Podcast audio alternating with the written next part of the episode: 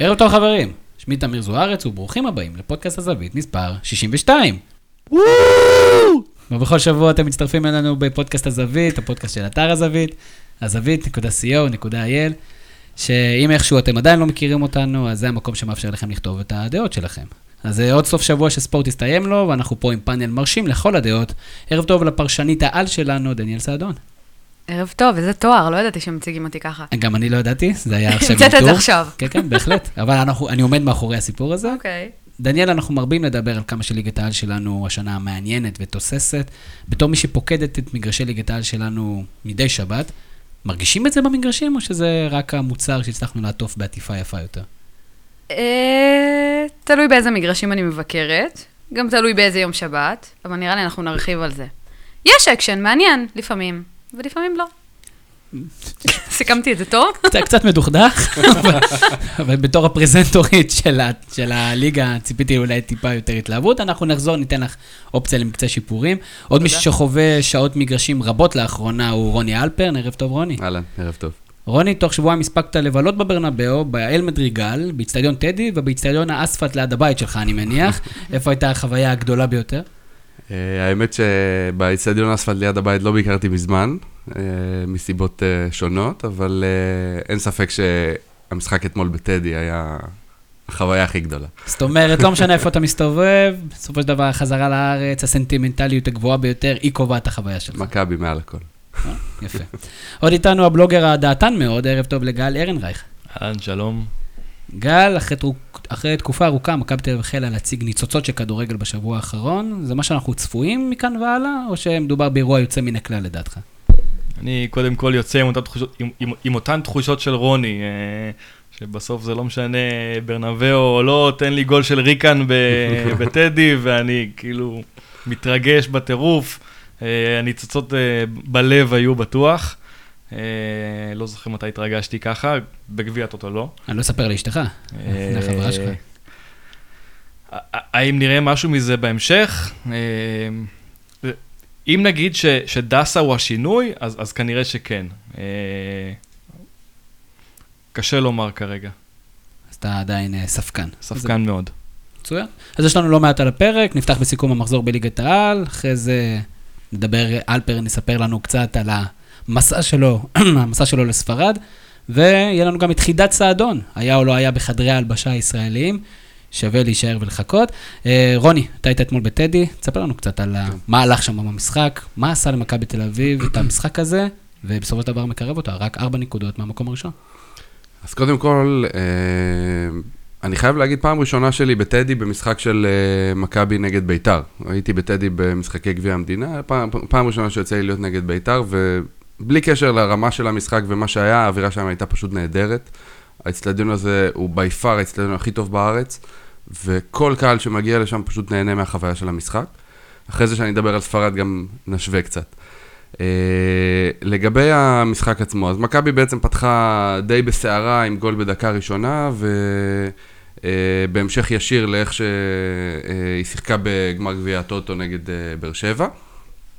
אפשר להגיד, הנקודה המרכזית אולי, שבעצם השיטה של uh, קרויף, בשלושת המשחקים האחרונים, היא, היא שיטה ורסטילית, שיטה מגוונת, ודיברנו על זה בפודקאסטים קודמים, כשאפשר להגיד שזה המ- המותה של השיטה של אוסקר, אותה, אותו 4-3-3 שאוסקר גרסיה הנחיל במכבי מהיום שהוא הגיע, יחד עם אה, קרויף, ובעצם השלושה משחקים האחרונים ככה סותמים את הגולל על השיטה הזאת.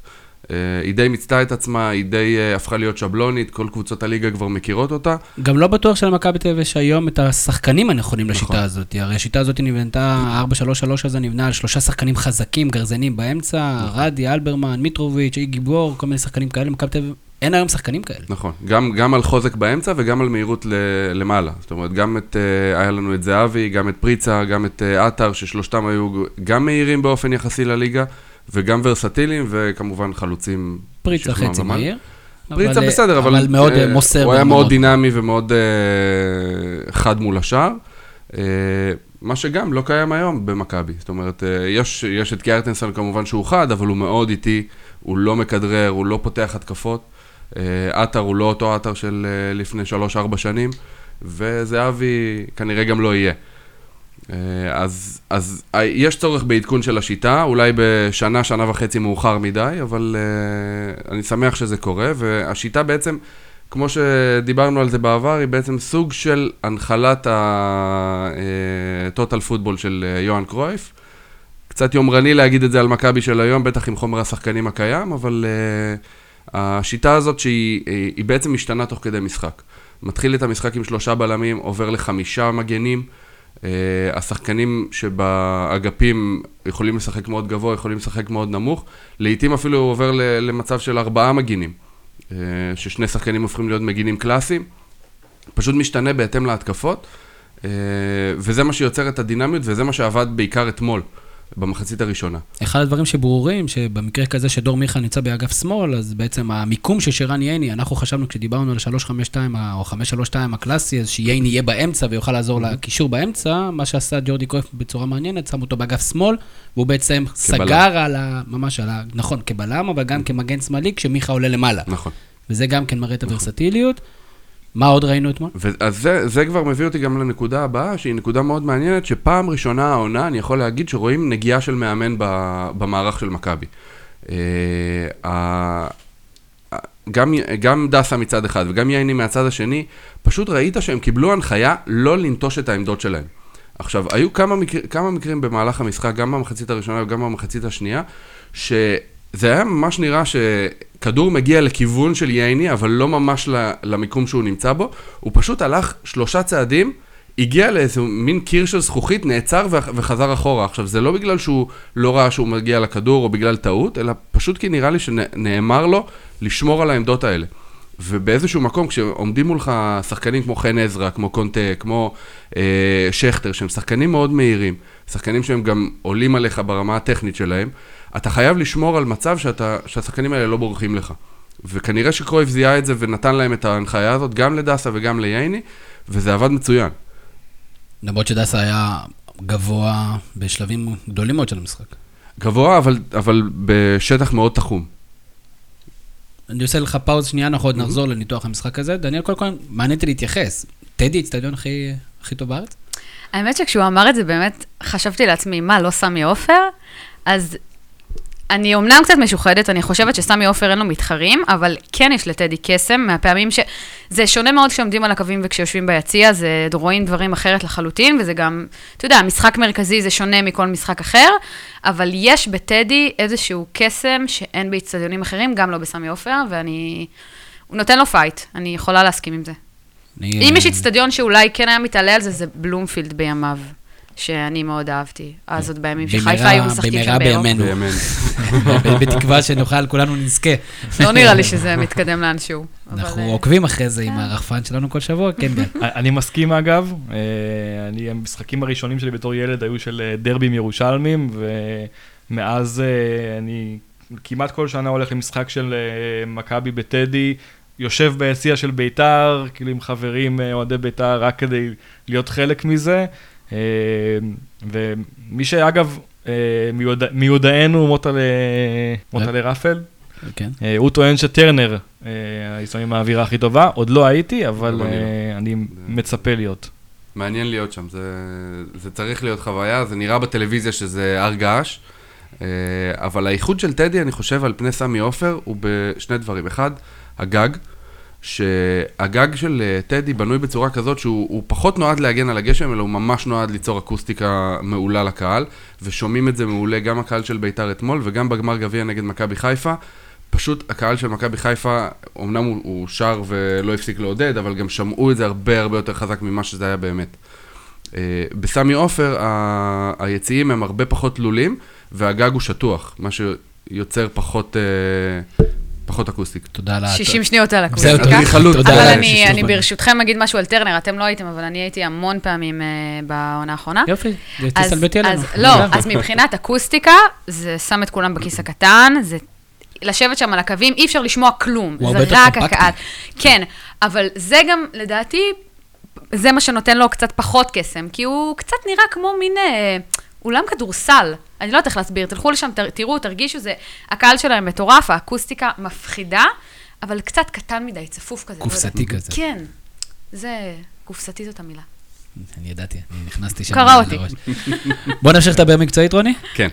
אז הנקודה השלישית, והיא גם נקודה שמתפתחת לאורך העונה, וזה אבי ריקן, שהוא בעצם, אה, הוא הפך להיות סקורר, הוא הפך להיות דינמו, הוא הפך להיות אה, איש מרכז השדה של קרויף. בעצם הוא הפך להיות הייני החדש באיזשהו מקום.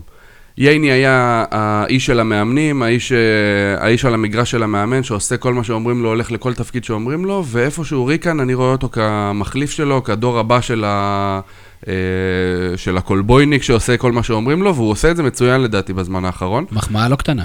מחמאה לא קטנה, אבל מגיע לו. הוא עובד קשה ורואים את זה, ו- ולא סתם הוא נמצא בהרכב. Uh, לצורך העניין, אתמול במשחק הכי הרבה איומים במכבי על השער. יותר מעטר, יותר מכל אחד אחר. הוא שחקן של תכלס, הוא כן. כל הזמן קדימה, ו...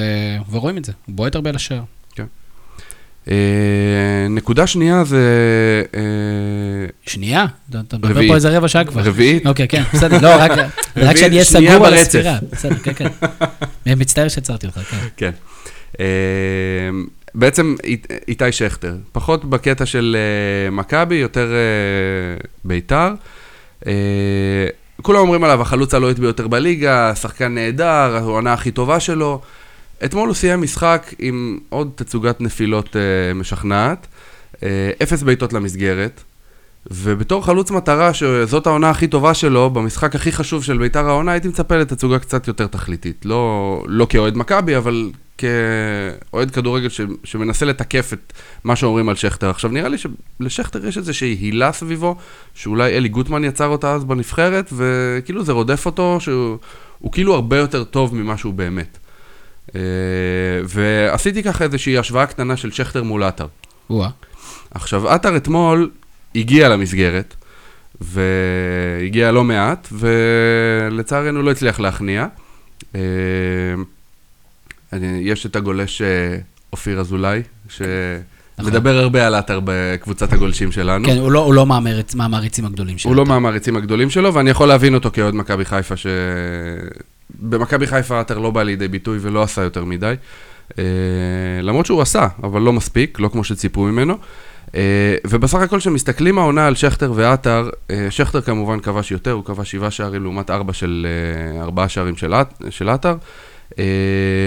אבל שכטר עושה את זה בפחות בעיטות. הוא בועט 24 פעמים לשער, כש-17 מתוכם, כמעט 70 אחוז, אה, הולכים למסגרת. מדהים. כשעטר בועט 35 פעם ל- אה, לשער, רק 14 מתוכם, זאת אומרת שליש הולכים למסגרת. אה, אבל שכטר מאבד הרבה יותר כדורים, ואנחנו רואים את זה, הוא נכנס לנבדלים, הוא, הוא אה, נכנס לרחבה במטרה או שלא לעשות הצגות, ו-99 פעמים הוא איבד כדורים, לעומת כמעט 40 פעמים של עטר. זאת אומרת, עטר הרבה יותר אחראי במובן הזה בהתקפה של מכבי. הוא גם משחק פחות דקות. אה, לא הרבה, הוא שיחק, אפשר להגיד, שני משחקים פחות. אוקיי. זה לא המון. אה, עטר גם מוסר הרבה יותר. עטר מוסר 350 פעם אה, העונה, לעומת 240 פעמים של אה, שכטר, והוא גם מוסר הרבה יותר מדויק. אה, 86% דיוק במסירה לעטר, לעומת 70% של שכטר. עכשיו, כשאתה משווה את שתי הנקודות האלה, בעצם יש פה שתי מסקנות. אחת, ששכטר הוא לא החלוץ הגדול שעושים ממנו, ודבר שני, שעטר הוא לא חלוץ מרכזי. למרות ששופטים אותו בשערים. עכשיו, עטר הוא שחקן כנף, הוא, הוא בא כדי להחליף את uh, טל בן חיים, או, או על כל אחד מהאגפים, לא משנה, הוא, הוא ורסטילי בקטע הזה. בסופו של דבר, הנתון שהכי מצפים ממנו לעטר, ואני, וזה מה שבא לידי ביטוי מהנתונים, ואני מאמין שזה גם מה שקרויף מצפה לראות ממנו, זה בעצם המסירות. זה לפתוח את ההתקפה, זה למצוא את הדרך לחדור דרך הגנות צפופות ולמסור את הכדור. עכשיו, כשאתה שחקן שהוא די אנוכי, ואתה נמצא בתפקיד כזה, זה קצת אה, בניגוד. חוסר פרגון היא לא בדיוק התכונה שהיית מצפה משחקן אגף שאמור למסור הכי הרבה פעמים. וראינו את זה אתמול. בלקמן היה די חופשי, הוא לא מסר לו, ו... די חופשי, הוא יכל לבנות שם אני אוהל ולשים שם את עדות. בוא נפתח את זה שנייה לדיון, דניאל, שכטר, עטר, אני חייב להגיד, אני חושב שאין פה שאלה, לדעתי איתי שכטר בעונה נהדרת, ולמרות הסטטיסטיקות, אני גם חושבת, אבל אני מבינה מאיפה נובע ה- זה ש... שכאילו מעצימים ומאדירים אותו, אני חושבת שזה פשוט נובע מזה שהיו לו תקופות כל כך חלשות, ופתאום הוא התהפך כל כך ומפציץ, אז אולי סטטיסטית זה לא באמת uh, כזה מדהים, אבל יחסית אליו זה משהו שהוא מפתיע, ויכול להיות שזה ילך וישתפר מכאן. אז נראה לי שכן יש מקום לפרגן לו. אין ספק שהוא, לדעתי, בין החלוצים הלוהטים בליגה, אולי, אפשר אפילו לומר שכן, אבל... Uh, אני, אני לא אוהבת את הפחד הזה מלפ, מלפרגן לאנשים. קודם כל אנחנו בעד לפרגן. אני אנחנו אנשים חיוביים. לחלוטין בעד. לא, לא מוצאת מקום אה, להקטין, כי סטטיסטית מול אתר אה, המסירות וזה. הוא נראה טוב, הוא עושה את העבודה, במיוחד לאור תקופות פחות טובות שלו, ויש לזה מקום.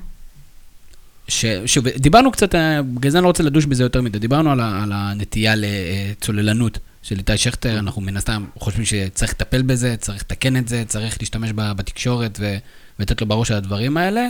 אבל גם אתמול, תראה, הוא לא עשה הרבה, לא היה לו הרבה דברים, לא היה לו הרבה עזרה. שיטת המשחק בטח לא עזרה לו, הוא עדיין השיג את הפאול שייתן את הגול. אה, שיגידו שהוא עשה פאול קודם, זה לא משנה. הוא, הוא תמיד מסוכן, הוא תמיד עושה בלאגן. היה דקה לקראת הסוף, הוא יוציא שם קרן ממצב של שלושה שחקנים סביבו. גל, ת, תעזור לי. עם שכטור עם עטר.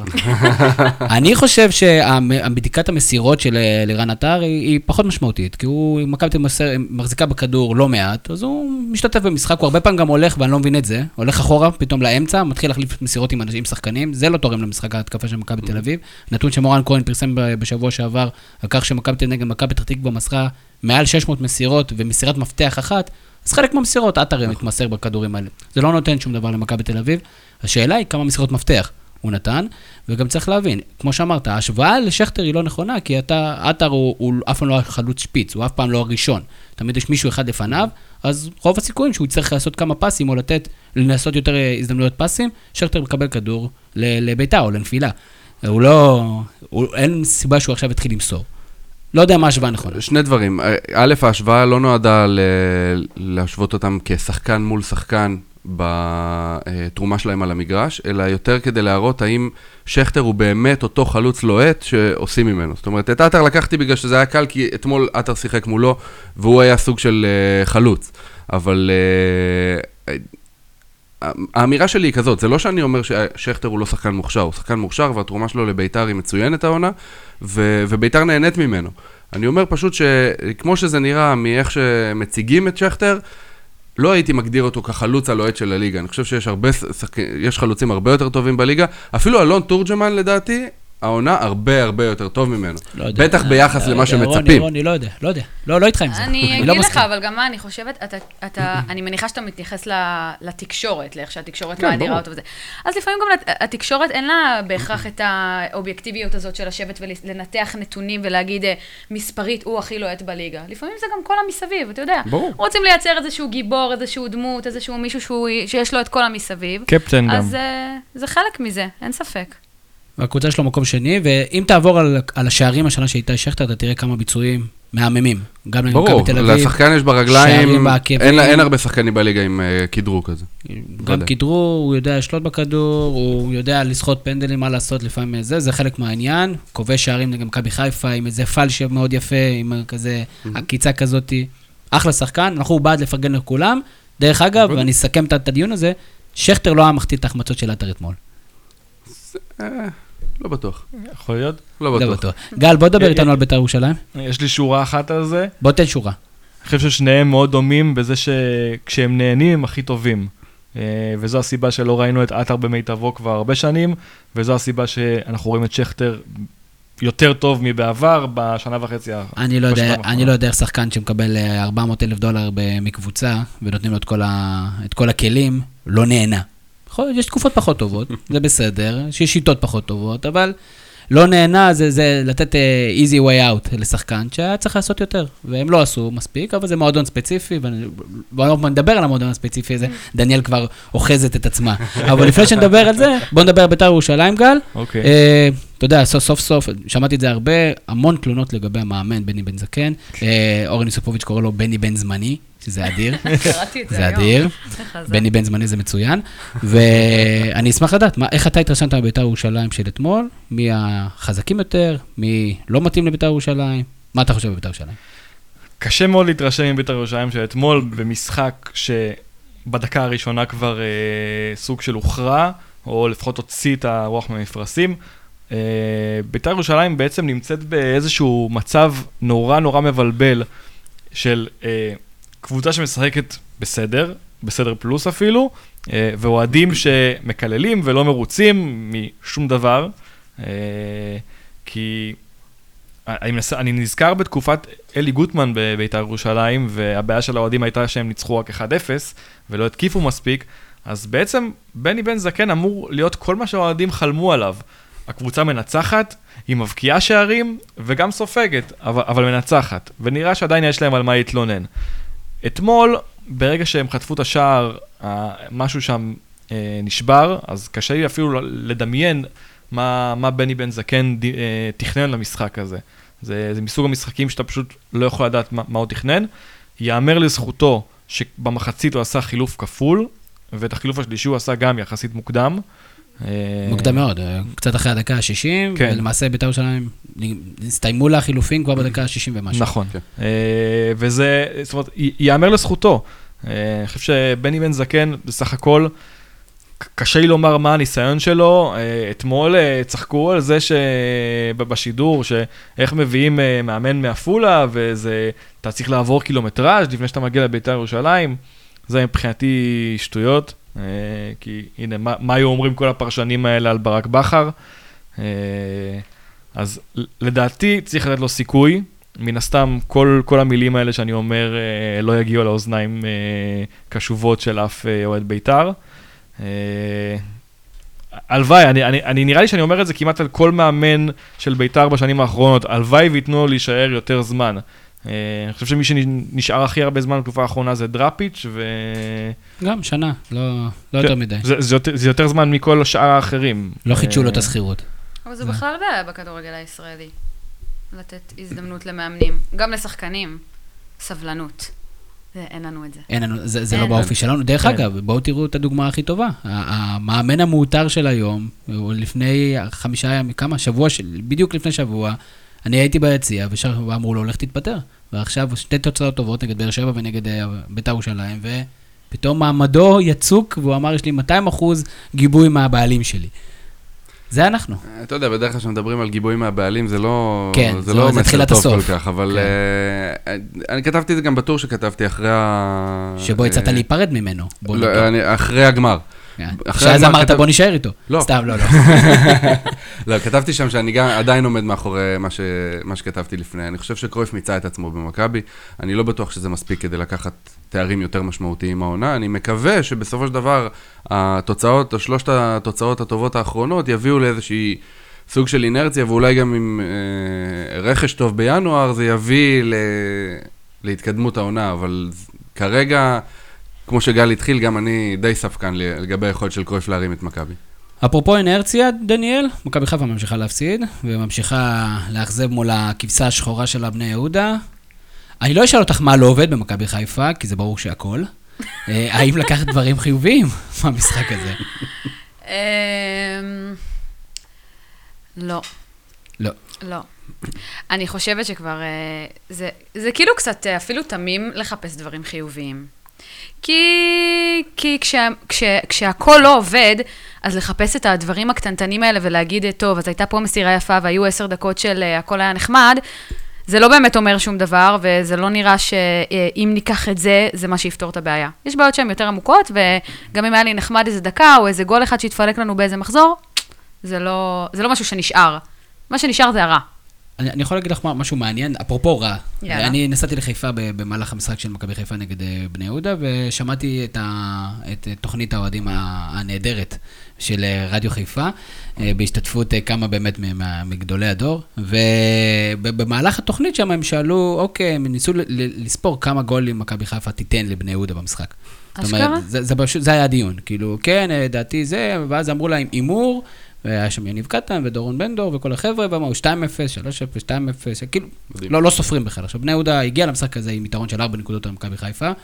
ושהם גם נראים לא רע בכלל, יש הם, לציין. הם בקצב, שוב, גם בטור של מורן, הוא, הוא ממש ניתח את מה עובד טוב לקבוצה של יוסי אבוקסיס mm-hmm. אחרי פתיחת העונה הגרועה, רכש שם הסתדרה, הם באמת קבוצה נהדרת. כן. חוץ מיקיר הפאנל אה, אלמוג בוזגלו. שהוא לדעתנו הבוזגלו המוצלח יותר, יש לומר. אני מסכימה. ואני רואה את ברק עושה לי פרצופים בצד כזה של אוקיי, זה לא יעבור. כאילו, זה ה... אבל באמת אה, בחור על הכיפאק, גם התראיין נהדר בסוף המשחק. גם אלי דסה, דרך אגב, התראיין נהדר אחרי המשחק אה, של מכבי תל אביב. ואני חושב שזה העניין, זאת אומרת, מכבי חיפה כל הזמן, או, או המעטפת של מכבי חיפה פשוט לא מצליחה להבין שהקבוצה הזאת היא לא כרגע מקום שלישי-רביעי ועכשיו היא תפרק את כל מי שלא מכבי תל אביב והפועל באר שבע, אלא זו קבוצה שנמצאת מקום תשיעי, אותו מספר נקודות כמו המקום העשירי. קבוצת פלייאוף תחתון לכל דבר ועניין, וההתנהלות צריכה להיות כזאת. זה, ברק פה נראה לי כזה, לא, זה, מה? זה, זה קשה, כן, זה קשה, אני יכול להבין את כן, זה. זה קשה לקבל, גם לקהל קשה לקבל את זה, וגם, אתה יודע, גדולי הדור שיושבים בתוכנית הרדיו. קשה להם לקבל את זה, ונראה לי זו אחת הסיבות העיקריות ללמה לא מצליחים לפתור את הבעיה, כי לא מסתכלים על הבעיה כבעיה של קבוצה שהיא לא קבוצה מה צמרת. הבעיה אבל? מה לא. עושים? הנה, הגענו לזה שוב, מה מה הבעיה? תשמע, יש אין סוף בעיות, אבל אם נחזור למה שדיברנו לפני כמה דקות, לדעתי, סבלנות. שוב, באמת. משום מה, אז אה, בתקופת אה, רנה, המילה תהליך הפכה להיות איזשהו, איזושהי בדיחה, מסיבה לא ברורה, אבל לדעתי, תהליך זה מה שצריך לקרות במכבי חיפה, ולתהליך צריך זמן וסבלנות, וככל הנראה הוא גם לא, זה לא קורה במטה קסם שבום, מביאים מישהו והוא מצליח ומגיעים למקום הראשון. זה לוקח זמן, ומפסידים, ומתקנים, ונותנים צ'אנס לשחקנים על הדשא, ולא מספסלים אותם אחרי משחק רע אחד, ולא הופכים אותם למלכים אחרי משחק אחד טוב. זה... שוב, זה, לדעתי, הכל סבלנות, זה להתחיל מ... אתה יודע, רכש. אבל איך אפשר להיות סבלנים כשאתה קונה כל כך הרבה שחקנים טובים? זאת אומרת, הכי טובים אה. מבין הישראלים שיכלת לקנות. מה, רמי גרשון, חצי מהליגה הייתה מעדיפה שתהיה אצלם, למרות שהוא כרגע קטסטרופה. תשמע, יש- יכול להיות, יכול להיות. שהשחקנים הם טובים, אבל אולי הם לא מתאימים. אולי זה לא מה שצריך במכבי חיפה כרגע. אבל זה מה יש. שוב, אה. קאיו כזה, כשהוא הגיע, רזומה טוב. אני כן מסכים שהיררכיה, יש למכבי חיפה בעיה, אין שם שום היררכיה. זאת אומרת, שחקנים הם עושים, אני לא יודע אם מישהו עשה את זה, אבל מכבי חיפה מחליפה הרכבים ברמה שבועית, בצורה ממש ניכרת. נכון. ועכשיו אני כבר שומע שבינואר רוצים לחתוך את עמרי בן אהרון, כאילו, זה מה שעכשיו חסר לכם? עכשיו אתם רוצים לחתוך אותו? זה בדיוק, מה שאני, כרגע? זה בדיוק מה שאני אומרת, לא לתת הזדמנות לשחקנים, לחתוך ככה שחקנים, להביא שחקנים בלי, אתה יודע, בלי איזשהו אה, מערך scouting אה, נורמלי. זה... ועוד אחד מהדברים, שזה- זה כמות התקשורת שיושבת שם, והם יודעים הכל נכון, לפני כולם. נכון. הם במשך חצי מהתוכנית של גדולי הדור שם, הם דיברו על זה שאם אני הייתי שחקן, לא, היו, לא הייתי מרשה שייכנסו לי לתיקים ויבדקו לי את הטלפונים. מה- איך אתם יודעים בכלל על הסיפור הזה? איך אתם יודעים שהוא קרה בכלל? זאת אומרת, אה, מה הסיפור? הכל התחיל מהמדליף, אז כנראה שהם יודעים את זה אבל אם מהמדליף. תפסו את המדליף, אז, אז לא, לא אסרו על המדליף, אבל המדליף עדיין בקבוצה. בוא, בוא נדבר, אני שמעתי על זה גם איזה דיון ברדיו, האמת, היום בדרך לכאן, על עניין המדליפים. גם של גדולי הדור? לא, לא של גדולי של הדור. של אחרים. גדולים אחרים.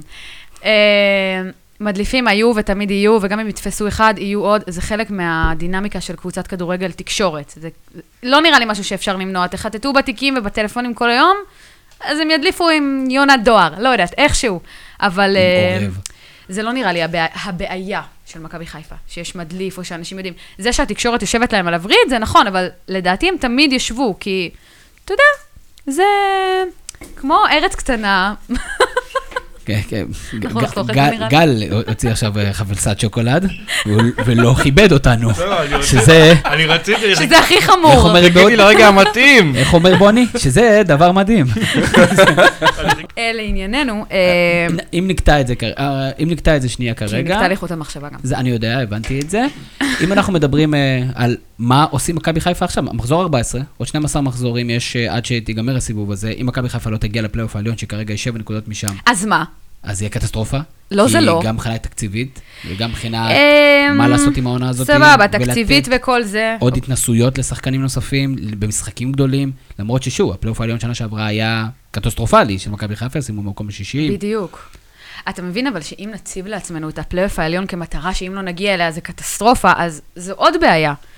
כי יכול מאוד להיות שלא נגיע, ואם נעשה מזה כזה אסון, זה רק להוסיף עוד לחץ על המערכת, ועוד לחץ על השחקנים, ונראה עוד יותר גרוע, ועוד יותר תככים, ועוד יותר... זה, זה כדור שלג כזה שמתגלגל. אז צריך להחליט ש... ש... מתאזרים בסבלנות, וגם אם נגיע לפלייאוף התחתון זה לא יהיה כזה נורא. אולי ננצח קצת שם, ואולי זה ייתן לנו קצת ביטחון. ונביא מאמן שילמד את השחקנים וילמד את המערכת, ויעשה הכל לאט, ויבוא מוכן לעונה הבאה, ואז אולי נוכל להגיד, אה, אנחנו לא רצים לאליפות עדיין, וזה בסדר אם נהיה בתחתית הפלייאוף העליון. ולאט, ככה, לאט, אין מה לעשות. אנחנו ירדנו, לה, אנחנו בקרשים, לדעתי. אז, אז אנחנו מתחילים את הקמפיין, המסע של מכבי חיפה למקום השביעי, אה, בחסות דניאל סעדון. הייתה עוד קבוצה, רוני, במשחק הזה, בני יהודה, שהיא שחקן נהדר. כן, קבוצה נהדרת. אה, כמה שקשה לי להחמיא ליוסי אבוקסיס, אבל הוא עושה שם אה, עבודה מצוינת. עברו כמה שנים, אתה יכול, אתה יכול, תמחול לו. זה, לא עובר. בייחוד שהוא ממשיך עם זה, אבל בסדר. באמת קבוצה מצוינת. יש שם תלכיד של שחקנים צעירים ממכבי, וזרים לא רעים בכלל, והם עושים עבודה טובה, ואבוקסיס יודע בעצם לאחד אותם ולהוציא מהם את המיטב. Uh, יהיה מעניין לראות אם הם יחזיקו בפלייאוף עליון, כי כמו שזה נראה, מגיע להם. יש הרבה, יש הרבה קבוצות שמגיעות לה, שמגיע להם. ודיברנו על הרבה מהם, מכבי נתניה, הפועל חיפה קצת טיפה בירידה עדיין, עם צבירת נקודות מצוינת. ואם אנחנו מתחילים אה, לסכם את המחזור הזה, מי שחקן המחזור שלך? רוני? טוב, לי היו אה, שלושה מועמדים לשחקן המחזור. אה, הראשון זה אבי ריקן, באופן אה, די ברור. אה, אלמוג בוזגלו כמובן עם שני הבישולים שלו, אבל מי שאני בחרתי בו זה אביב אברהם דווקא, ממכבי נתניה, אני חושב שהוא שחקן מצוין. נתן משחק אדיר נגד באר שבע, פשוט הניע את כל הקישור של uh, נתניה, ולגמרי מגיע לו. בכלל, בואו נדבר שנייה על מכבי נתניה. משחק uh, מצוין שלהם נגד הפועל באר שבע. יש להם קבוצה מש... נהדרת. ועוד משחק כדורגל מצוין של הפועל באר שבע כן. נגד מכבי נתניה. יש להם קבוצה נהדרת, ואמרתי את זה בתחילת העונה, אני חושב שסלובודן דראפיץ' הוא אחד המאמנים הכי טובים שהיו בארץ. הוא לא נופל בכלל מברק בכר לדעתי, הוא, הוא פשוט לא, מאמן... אני לא אוהב את ההשוואות האלה. אה, בסדר, אבל אתה יודע, אם מדברים על מאמנים ישראלים, אז היום ברק בכר הוא גולת הכותרת, אז אני חושב שהוא מאמן נהדר, הוא כמובן צריך... בצדק, הוא הכותרת. לא, לא, לגמרי, לא, אני לא אומר את זה, אני לא אומר את זה בקטע רע, בכלל לא. לא, אבל בקטע רע, כשאתה אומר שדראפיץ' הוא ברמה של ברק בכר, כשברק בכר עשה פה בית ספר לליגה שנתיים, ודראפיץ' עושה אחלה עבודה במכבי נתניה, בסדר גמור, אבל גם כשסלובדן דראפיץ' היה בביתר, הוא נתן אה, עונה נהדרת, ואני לא מבין איך טביב ויתר עליו. גם בליגה הלאומית, בסופו של דבר הוא לקח אה, סגל מאוד צעיר ומאוד חדש, ועשה ממנו קבוצה נהדרת, שהיום מוכיחה את עצמה... מוכיח את עצמו גם בליגת העל. אז אני מבין מהדברים שלך שהיית שמח אם מכבי תל אביב הייתה מחתימה את דראפיץ' עכשיו. לגמרי. בשנה הבאה, לא השנה. למה לא השנה? כי... ג'ורדי מיצה אמרת, לא? מיצה, בסדר, הוא צריך לעשות דרמות. אני אזכור לך את זה. דניאל.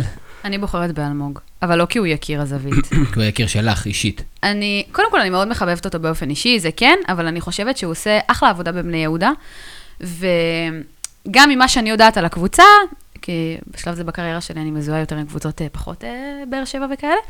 אז אה, לא, באמת, האווירה שם, ו, וזה מדהים לראות את זה, שכולם שם נורא חברים ונורא מאוחדים, אומרים את זה הרבה גם על הפועל חיפה. זה קבוצות שכיף לראות אותן, והשחקנים האלה, אלון תורג'מן ואלמוג בוזגלו, הם, הם כאילו חלק בלתי נפרד מזה. אז אני נהנית לראות אותו, וכיף, לדעתי. קבל לחלוטין. אה, גל, אנחנו עוד שנייה נשאל אותך מי אתה, אני רוצה לשאול אותך לפני זה, האם לפועל באר שבע יש בעיה, או שהיא כרגע, כשכולם יחזרו, אז הם יקראו את הליגה, כמו שלפני שבוע חשבנו שהם יעשו. מה זה אומר שכולם יחזרו? זאת אומרת, אה, שיר צדק לא, לא יחזור בקרוב.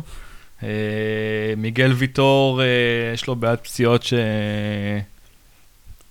נכון, אבל הוא הקמה, ויש שם קצת פציעות באמת בהגנה, אפילו לואי טאה, שהוא ה... בלם השלישי בחשיבותו, והוא אחלה בלם. לא, יש בעיה בהגנה, אין ספק. אה, בהתקפה אני לא חושב שיש בעיה. זאת אומרת, אה, במשחקים האחרונים היה קצת חוסר מזל, אה, עם וואקמה, בלי וואקמה. אני קראתי שעכשיו גם ממליץ, יש כבר קולות שאומרים להוציא, אה, גוטמן כתב את זה היום, להעיף את קוונקה בינואר, להביא מישהו יותר טוב. זאת אומרת, הוא אמר להודות בטעות שנכשלו איתו. למה גוטמן כאילו- לא מודה בטעות ומפסיק לכתוב טורים? כן. אה, אפרופו אה, סבלנות, אז אה, הנה, הבאנו שחקן ברמת, שחקן ברמת על, יחסית לליגה שלנו, והנה, הוא לא הבקיע 20 שערים עד ינואר, אז בואו נעיף אותו. אבל יש שם איזה בעיה, כי הוא לא משותף מספיק. זאת אומרת, גם אחרי שהוא קצת חזר, והוא כבש כמה שערים, הוא לא משותף במשחקים החשובים, או כמעט שלא מקבל דקות. אז כנראה שיש שם איזה משהו שאנחנו לא בטוח יודעים. יש שם את מליקסון, שפשוט עדיף עליו. אה, אגב, מליקסון גם הועדף על בוזגלו עונה שעברה, וכל פעם שהוא הועדף על בוזגלו, אז כבר התחילו אה, אה, תנועות אה, מוזרות, וכבר, אה, רגע, למה לא בוזגלו, למה לא זה? תנו לבכר לעבוד. אני חושב שהבעיה באמת של באר שבע זה בהגנה, בכר לא אשם בזה, אה, הוא מקסימום יכול לנסות להביא בינואר אה, בלם טוב אחר ש... שייצב את ההגנה, כדי שאו שיהיה לצד ויטור אם ישחק, ואם לא ישחק, אז, אז שהוא יהיה זה שייצב את ההגנה. כרגע יש שם צמד בלמים ש... שלא יכול לעשות את העבודה הזאת, פשוט לא יכול. ולדעתי גם דיברתי על זה בפודקאסט קודם, שההובן, זה ששחררו אותו, זה כזה אה, אה, אובדן לבאר שבע. הוא היה משחק גם כבלם, גם כקשר אחורי, גם ידע לתקוף. אני לא מצליח להבין למה שחררו אותו. אה, זאת אומרת, זה, זה ממש מרגיש לי כמו רדי של, אה, של באר שבע. אה, אני ראיתי גם השבוע, הוא ביקר בישראל, והיה כתבה עליו בערוץ הספורט, הוא גם כזה חמוד. שהוא ביקר את האוהד, את המשפחה של האוהד. כן, לא רק זה, השם, לא יודע, השימוש בעברית, והחיבור האמיתי שלו, והאכפתיות, וכן, כשאתה... וזה אבדה גדולה לפועל באר שבע, שהיא עדיין הפייבוריטית מספר אחת לאליפות. ש- שלא יהיה, אני חושב שכולנו מסכימים ברור, לזה. אני לא- לא אמרתי שהם, אני אומר שאין משבר. שחקן המחזור? שחקן המחזור. אלי דסה. אלי דסה. אלי דסה, אה, מפ- פן ראשון, אה, מנטלי. אה, לפ, לפני הכל, שחקן שחוזר מפציעה ו, ונראה כמו שהוא נראה, זה מדהים. אני חושב שגם שאפו למכבי תל אביב על זה שנתנו לו את הזמן. זאת אומרת, צחקנו על זה בלי סוף, ואוקיי, הוא מלא בדיחות, דסה שפט ונפטר לשנה, סבבה, אבל ב, בהרבה קבוצות, יש לחץ להחזיר שחקנים, במיוחד שחקנים שהם כל כך חשובים שאין להם תחליף. זה ברור שבמכבי אין תחליף לאלי דסה. אה, ניסו את ייני כמו שהוא היה שם אה, לפני, בעונת האליפות הראשונה, זה לא עבד הפעם. אה, עוד מהצד המנטלי, זה... הוא הצליח להרגיז קצת את אוהדי בית"ר, להרגיז הרבה אפילו, הוצאות החוצים שלו היו איטיות, זה הטריף את הקהל באמת. אה, ואם אני זוכר אותו במשחק הראשון שלו נגד, אה, נגד בית"ר, כשרעדו לו הרגליים, אז היום, כאילו, אז אתמול זה פשוט היה נראה, הוא, הוא לא שם עליהם, הוא כאילו, אני, אני פה, אני במכבי תל אביב, לא מעניין אותי. וכמובן מבחינת משחק, הוא שיחק טוב, אה, הוא, הוא לא היה חד במסירות הראשונות שלו, ראו את זה, אבל מבחינת התנועה שלו, איפה שהוא עומד על המגרש, זה פשוט היה כל כך חסר למכבי תל אביב, שבאמת זה לא משנה את מי תשים שם. זה, זה, זה, שחקן, זה שחקנים שלא יודעים לעמוד במקום הנכון כמו שדסה יודע. זה יותר מהכל, מיכולת הגנתית ויכולת הרמה והכל. אז אני, אני חש שאתה בעד אלי דסה, בבחירה הזאת. אני הייתי מניף אותו יחד איתה אם הייתי יכול. כל הכבוד. יפה מאוד, אז זה היה ליגת העל שלנו, שתחשבו, מאוד מאוד מרתקת, יש הכ- הכל מאוד מאוד צמוד שם. כן. ורק שימשיך ככה, אם אפשר קצת להעלות את הרמה טיפה ליותר דקות, אבל חוץ מזה בסדר. ואם אנחנו דיברנו על, רמה, רוני, אתה ביקרת במסע בספרד, והלכת לראות את ריאל מדריד, ומכבי תל נגד ויה ריאל, הלכת להביא שער לקבוצה והצלחת להשיג. כן. אה, תספר לנו קצת על אה, אה, חוויותיך מהמדינה הספרדית. אז uh, בעצם נסעתי לחמישה ימים לספרד, uh, כשארבעת הימים הראשונים הוקדשו לכדורגל, היום האחרון הוקדש למנוחה. Uh, בעצם ראיתי את uh, ברצלונה נגד ספורטינג ליסבון, את uh, ריאל מדריד נגד דורטמונד, מכבי נגד ויה ריאל, וביום האחרון, ביום הלפני האחרון נסענו לוולנסיה ועשיתי סיור במסטאיה, שזה בעצם ארבעה איצטדיונים מדהימים, כל אחד. אפילו, גם האיצטדיון של... Uh, ויה ריאל, אל מדריגל, או בשם החדש שלו, אסטדיו דה לה סרמיקה. אה, למה החליפו לו את השם? כנראה החליפו ספונסר. אוקיי, בסדר?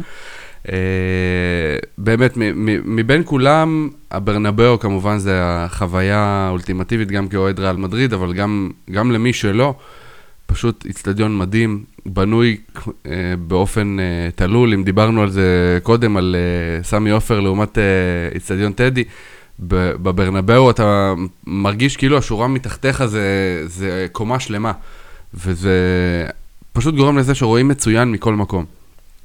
אה, סתם משהו נחמד שהיה שם, שנס... שהיינו באצטדיון בקמפ נו, אז בעצם אה, היה מאוד קר, ספרד מאוד קר עכשיו, סביב בין אה, חמש לשבע מעלות, בטח בערב כש... כשקר מאוד, כש... כשיש חושך. אה, בקאמפ נו היה לנו מאוד קר, הגענו למדריד ושם הרבה יותר קר כי היא כנראה יותר גבוהה. אנחנו נכנסים לאצטדיון, התלבשנו טוב והכל, אנחנו מגיעים, אה, יש אה, גג, הכל בסדר, מורידים את המעילים, אוקיי, סבבה. אמנם שתי מעלות, אבל אנחנו בסדר, עם חמש שכבות כל אחד. ואז פתאום מדליקים מעלינו תנורים, וואו. תנורי חימום אחד אחרי השני. באמת? לא ידענו מה לעשות שם, אבל... אה, מה רציתם לעשות? לא, כאילו, אתה מגיע לשם, זה, כמו סאונה. אה, פשוט הורדנו את כל הבגדים ו... לא את כולם, לא את כולם. דניאל אה, זה, בפינת הרכילות. אבל זה היה משעשע, כאילו, שהמסקנה מזה זה דבר אחד, כאילו, עד כמה חושבים על האוהדים שתהיה להם חוויה נעימה לראות או, משחק כדורגל. ידעתי שתהיה לך פואנטה בסוף. יפה מאוד. אז איך חושבים על האוהדים? ולנו אין תנורים, בטדי אין תנורים. אז, אז בטדי אין תנורים, גם אין תחבורה ציבורית, ובכלל, להגיע לאצטדיוני כדורגל אצלנו בארץ זה, זה מסע מפרך, גם לצאת מהם. וגם לצאת מהם. וכאילו, אמרתי לחבר שלי ש... שהגענו לשם, תקשיב, אני מוכן לנסוע כל שבוע לוויה ריאל כדי לראות את מכבי, כמה שזה מפרך, ולא לנסוע לנתניה. פשוט זוועה. עכשיו, כאילו, אתה יוצא מהברנבאו, 80 ומשהו אלף איש יוצאים מהאצטדיון, אתה, קודם כל, כשאתה יוצא מהאצטדיון, אתה לא מרגיש בכלל 80 אלף איש. וזה לא שהרחובות שם גדולים יותר, או שזה זה לא, זה ממש משהו... באמצע השכונה. ממש באמצע השכונה, באמצע מדריד, אתה יוצא מה- מהאיצטדיון, יורד בתחנת מטרו. אמנם בתחנת מטרו אתה מרגיש את העומס, אבל מגיעות רכבות כל שתי דקות, והעומס משתחרר תוך רבע שעה, אתה כבר במ- במקום אחר בעיר. זה מדהים. שזה אה, דבר מדהים. עכשיו, דבר שני, אה, אם דיברנו מההתחלה על אה, אקוסטיקה ועל גג ועל איך בונים אצטדיונים בארץ, משהו שלא ברור לי, כאילו יש כל כך הרבה אצטדיונים טובים באירופה. המדרגל או הסרמיקה הוא אצטדיון שבמידות שלו לגמרי מתאים ל- לישראל, 24-25 אלף מקומות, בנוי גם באמצע העיר, באמצע הכפר אפשר לקרוא לזה, כאילו עיירה מאוד מאוד קטנה של 20 אלף איש בערך, אני גר בבאר יעקב, יש שם 22 אלף איש. איצטדיון מדהים, קחו את התוכניות שלו, תבנו אותו דבר במקום בלומפילד, כאילו, למה, למה צריך להיות חכמים ולהביא אדריכלים ולבנות דברים כאילו מדהימים, ובסוף אתה יודע שזה לא יצא כמו שאתה רוצה, ואת uh, בלומפילד אנחנו נחכה לו ארבע שנים ולא יהיה לו גג, ורכבת קלה גם לא תעזור לנו שם, אז כאילו, קחו תוכניות, קחו דברים שעשו בעולם, תבנו אותם, זה, זה עד כדי כך פשוט. אה, נראה לי זה קצת יותר עמוק מקחו תוכניות. אתה יודע, זה רכבת ואוטובוסים, זה כל הדברים שמעבר, שהם כן, קצת אבל פחות... כאילו... אה, אני ב- מסכימה איתך ת- בהכל. תמיד יש שלא בארץ. תחושה כאילו אנחנו צריכים להמציא את הגלגל. וכאילו, באירופה עשו את זה לפנינו, עושים את זה היום הרבה יותר טוב, ויעשו את זה גם בעתיד יותר טוב, אז למה לא ללמוד מהם? כאילו, זה, זה משהו במנטליות. יכול להיות. איך החוויה להיות אה, בתור אה, אוהד חוץ של מכבי תל אביב במגרש כזה, למרות אה, שהאצטדיון לא היה מלא? אז לא, האצטדיון לא היה מלא, היו בערך 1,500 אוהדי מכבי. אה, בתור אוהדים זה היה נהדר, זאת אומרת, אה, חוץ, מ, חוץ מהעובדה שניצחנו, אה, אבל באמת היה כיף, בלי קשר לתוצאת המשחק, האוהדים עודדו כל הזמן. ה- היחס לאוהדי חוץ הוא, הוא טיפה שונה, טיפה פחות טוב ממה שהייתי מצפה. אה, זאת אומרת, הייתי בקמפ נו, הייתי בברנבאו בתור אוהד כביכול של אה, או אוהד ניטרלי או אוהד של הקבוצה הביתית, ואתה אתה מקבל יחס אה, טוב, כמו כל ספרדי שנכנס לאיצטדיון. אה, כאוהד חוץ, פעם ראשונה שלי כאוהד של מכבי שנוסע לראות משחק בחו"ל, ועברנו שם אה, שלושה מעגלי בידוק, אה, כלבים שרכרכו אותנו במטרה למצוא סמים, אה, ואחרי שלושת מעגלי הבידוק גם לקחו לנו את התיקים ושמו אותם בתא אחסון. עכשיו, וזה לא כתם ישראל?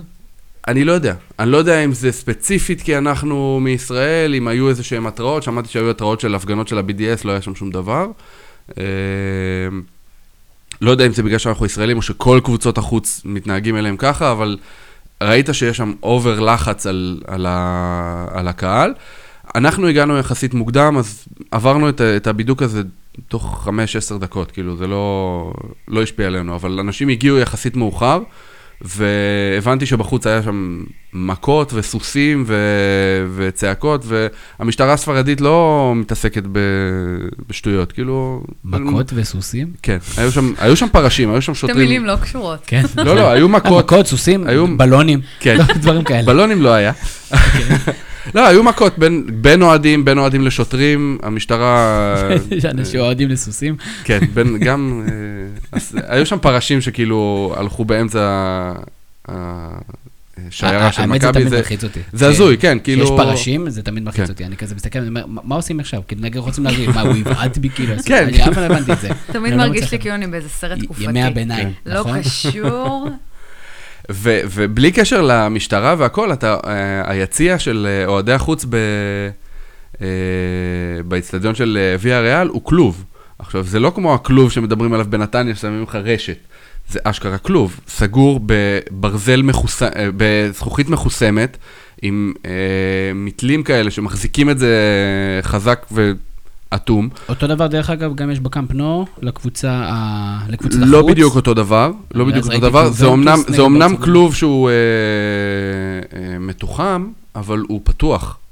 עכשיו, כשאתה מתחת לגג וסוגרים אותך גם עם זכוכית, אתה מרגיש כמו מיצג במוזיאון, כאילו, או בגן חיות, תלוי מה, מה הסיטואציה, אבל כאילו, זה, זה, זה הרגיש רע, בגלל שלא היה מקום אחד שיכולת לשבת ביציע הזה ולראות טוב את המשחק.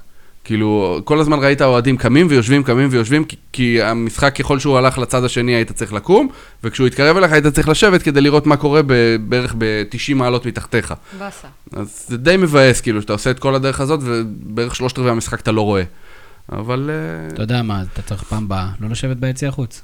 אז היו, היו כאלה שעשו את זה, היו ישראלים שעשו את זה, לא, לא חשבנו על זה, כאילו, לא ידענו שזה, שזה ככה, אבל אנחנו מתנחמים בעובדה שגם האוהדים של אה, ריאל סוסיידד וגם האוהדים של ריאל מדריד מגיעים ליציע הזה, כאילו, זה לא שהם, יש להם יציע אחר. יאללה, על הכיפאק. אז שמח, שמחים שנהנית ושמחים שחזרת, ואנחנו מתקרבים לפינה אה, החמה של הרשת, אה, פינת אה, חידת סעדון. היה או לא היה בחדרי ההלבשה הישראלים, ואנחנו חנכנו את הפינה הזאת לפני, אה, בפודקאסט האחרון שהיית בה. אה, אני ניצחתי בתחרות. נכון. ועכשיו דניאל תנסה ככה להפתיע אותנו, היא תספר לנו על חי- משהו שלגבי, אה, שקורה בחדרי הלבשה, ואנחנו נצטרך לנחש האם היה או לא היה. יש סיכוי ששמענו על זה בחדשות, בעיתון, כאילו באתרי ספורט, או לא. הכל דברים שלא שמענו זה עליהם? הכל כאילו סיפורים כאלה קטנטנים ונחמדים. איזוטרים. או לא נחמדים. אוקיי, סיפור מספר אחד.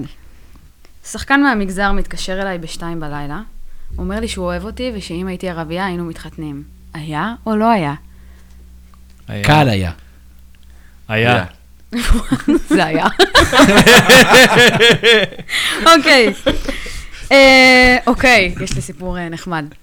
הייתי לא מזמן באיזה משחק של קבוצה צפונית, וקלטתי את השחקנים שהחביאו במבה בכיסים, וישבו על הספסל ואכלו במבה כל המחצית. היה או לא היה? זה, זה, זה זועק שכן. השאלה, האם יש פה איזה מסיח וזה לא היה במבה וזה היה ביסלי. יואו, לעזאזל! כן? מותר להגיד לעזאזל? מותר להגיד לה. זה לא היה ביסלי, זה היה קליק. וואו, הוא ממש אבל טוב זה כאילו, במשחק כן. הזה. עכשיו, לא תכננו את זה מראש. סבבה, טוב. תמיר מוביל. רגע, ליגת העל? רק ליגת העל. רק לקראת, אה, אנחנו לא מתעסקים בשטויות. אכלו קליק. אכלו קליק. עכשיו, גם נפלו להם כל מיני קליקים כאלה לכיוון הדשא, התגלגלו, זה היה ממש מצחיק. דרך אגב, התוכנית בחסות קליק, וזה הסם. מספיק. טוב, אה, סיפור אחר, אוקיי.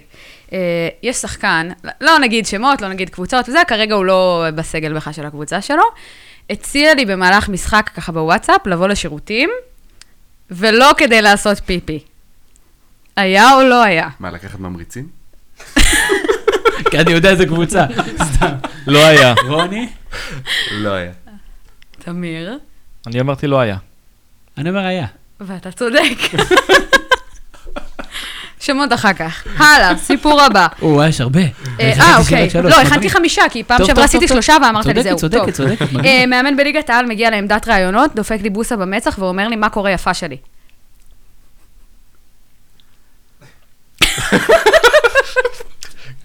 לא יודע. זה יכול לקרות, אבל... אבל... כאילו... אבל, זאת אומרת, יכול להיות שזה פשוט לא קרה, אבל... זה לא הזוי, כאילו...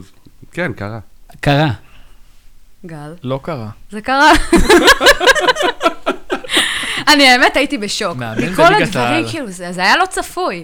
זה היה בוסה כזאת. רגע, בוא- בואו ננסה לת- לתמצת, לפלטר את זה. מאמן זמני? לא, האמת שלא. אוקיי. אבל בואו לא, בואו לא נפליל לאנשים, יאללה, אחרון. אה, רופא של אחת הקבוצות הגיע ככה ממש לפני השריקה עם כל התיקים שלו וזה, בא להתיישב על הספסל, פתאום נקראו לו המכנסיים.